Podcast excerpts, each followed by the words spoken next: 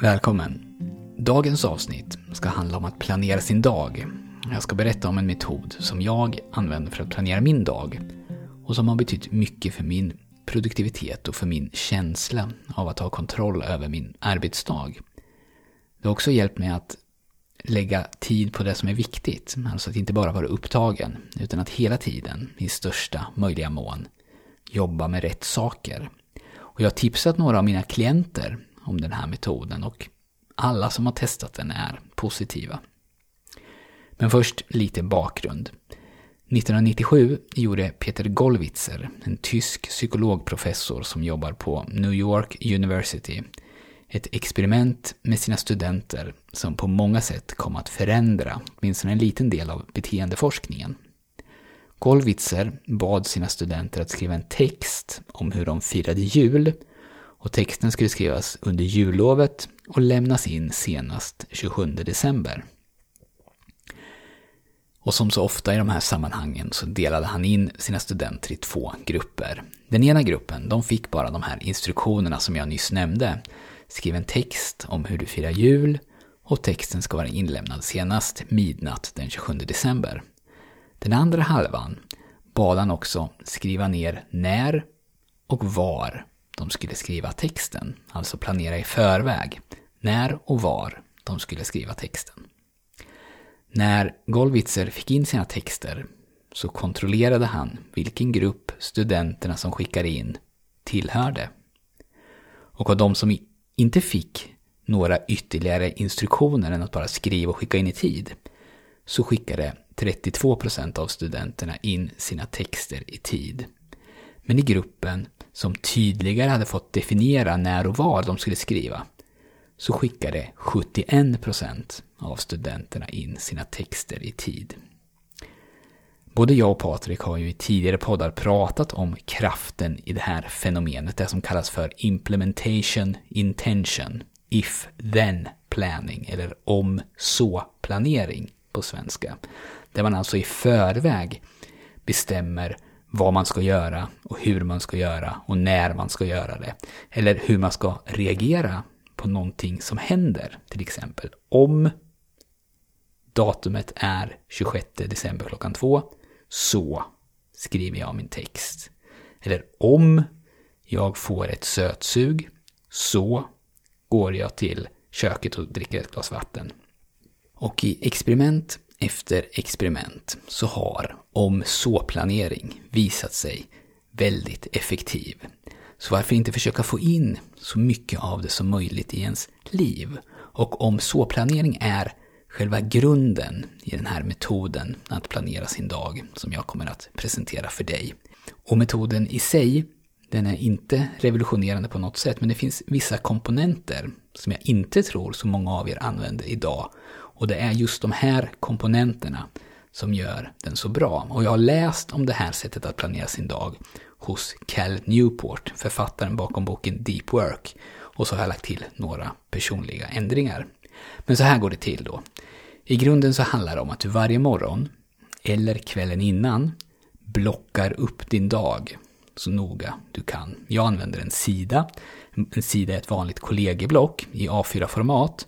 Och det som jag har fastnat för är ett rutat block, fast linjerna i pappret är vita istället för svarta. Det heter White Lines och det finns nog att köpa på Akademibokhandeln och sådana ställen. Högst upp i hörnet, nu blir jag väldigt detaljerad här men jag hoppas det är okej. Okay. Högst upp i hörnet på den här sidan skriver jag dagens datum.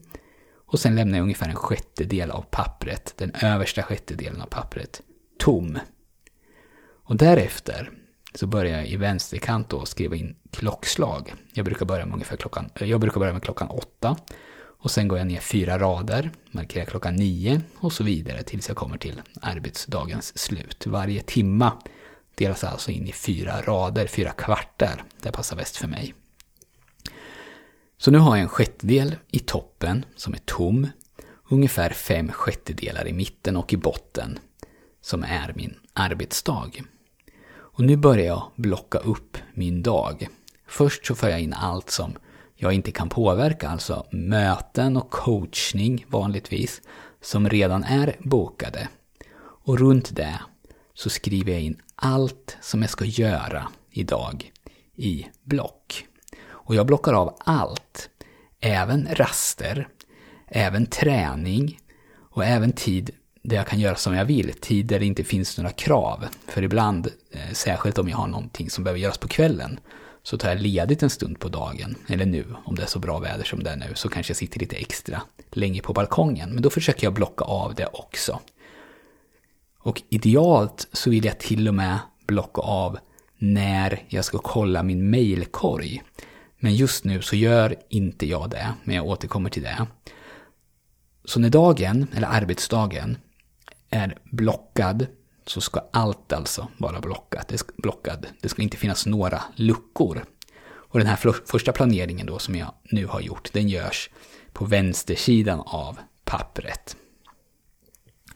Så mitt blad ser nu ut ungefär så här. Datum högst upp i hörnet, sen en sjättedel tomt, sen tider i vänsterkant, uppifrån och ner och vid dessa tider block som är ungefär sex rutor breda och med en längd som motsvarar tiden som jag har gett dem. Och nu ger jag den översta sjättedelen en rubrik. Och den rubriken för mig lyder Om jag får dödtid så. Och nu fyller jag i, i punktform, vad jag kan göra om jag får dödtid. Det kan vara att svara på ett mail, eller nu när vi ska flytta så är det många punkter som handlar om det. Och det kan vara att jag ska göra en bild i Photoshop eller ändra någonting på hemsidan, att jag ska fakturera eller betala en faktura eller vad som helst. Alltså små saker som finns på min att göra-lista, men som inte behöver ett eget block. Många förespråkar att man ska samla alla de här punkterna med småsaker i ett block och göra dem tillsammans. Och i teorin så tror jag att det är bättre. Men för mig så funkar inte det riktigt just nu. Men testa gärna om du tror att det funkar för dig. Och skälet till att det inte funkar för mig är att det inte blir gjort helt enkelt. Men nu är min planering redo för arbetsdagen och det är nu som den kommer att briljera. För jag tror att det finns ganska många som försöker att dela upp sin dag ungefär så här som jag har beskrivit den fram till nu. Men när arbetsdagen börjar så brister ju planeringen. För det gör den nästan alltid. Till och med för mig, som egentligen bara har mig själv att sköta och jämfört med många av er andra så har jag väldigt få möten och få personer som kontaktar mig under en dag. Men planeringen brister. Och när det händer, då så planerar jag om min dag direkt. Till höger om de här blocken så gör jag nya block. Och på så sätt så ser jag till att hela tiden ha koll på mina prioriteringar och att ha kontroll över mitt schema. För schemat faller alltså inte, utan det arbetas bara, bara om. Och varje gång jag behöver göra det här så tar det oftast då bara någon minut. Det fina med att planera sin dag överhuvudtaget, det är ju att det de facto är en om-så-planering. Om klockan är nio, så ska jag spela in podden till exempel. Men när schemat faller, som det nästan alltid gör, så hamnar två om så-planeringar i konflikt. Dels den jag nyss nämnde, om klockan är si, så ska jag göra så. Men också den som handlar om turordning. Om jag är klar med mötet, så ska jag skriva en rapport. Och nu är jag klar med mötet kan vi säga, men eftersom det tog 30 minuter längre än planerat så står det på schemat att jag inte alls ska skriva en rapport utan jobba med ett annat projekt. Och då krockar de här två om så-planeringarna och vi är så enkla varelser att det här stökar till det för oss. Schemat har fallit och nu har vi inte full kontroll längre. Då är det väldigt lätt hänt att man hamnar i ett tillstånd när man börjar släcka bränder. Att man helt och hållet hamnar i uppgifter som är bråttom. Oavsett hur högt jag prioriterar dem. Om jag skulle ta ett par minuter och tänka efter. Men genom att planera om dagen hela tiden, bara under någon minut, så ser du till att din om så-planering är tydlig och aktuell. Och det kan låta för enkelt för att vara sant, men det funkar oförskämt bra. Så när arbetsdagen är slut, då kanske hela sidan är fullklottrad med omplaneringar och det som blev gjort det var inte alls det som du planerade i början på dagen, men du har i alla fall haft kontroll. Du har varit proaktiv så gott du har kunnat. Och angående min punktlista i toppen av sidan så har jag märkt att det här sättet funkar bäst för mig. Vissa sätter som sagt ihop alla de här små punkterna och schemalägger ett block på en halvtimme eller en timme där de betar av den. Men jag har upptäckt att hur bra jag än planerar och hur duktig jag än vill vara så skapas dödtid. Där jag bara sitter och stirrar framför mig eller verkligen inte har lust att skriva trots att det står på schemat. Eller där jag blir klar med någonting när det är fem minuter kvar av blocket och inte börjar, orkar påbörja på något, börja på något nytt. Och då kan jag beta av de här små sakerna och det ger lite omväxling som jag tycker om.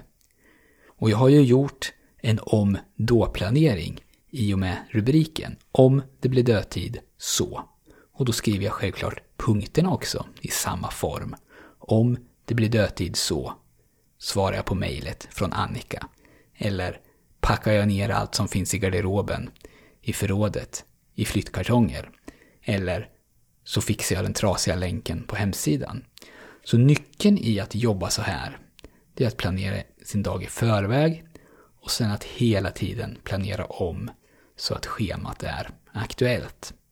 Det finns en hel del mer att säga om det här, detaljer och finlir. Men nu har du det du behöver för att komma igång. Så testa gärna och återrapportera också gärna till mig hur du tycker att det går. Om du har förslag på förbättringar på det här sättet att planera sin dag så tar jag förstås gärna emot dem också.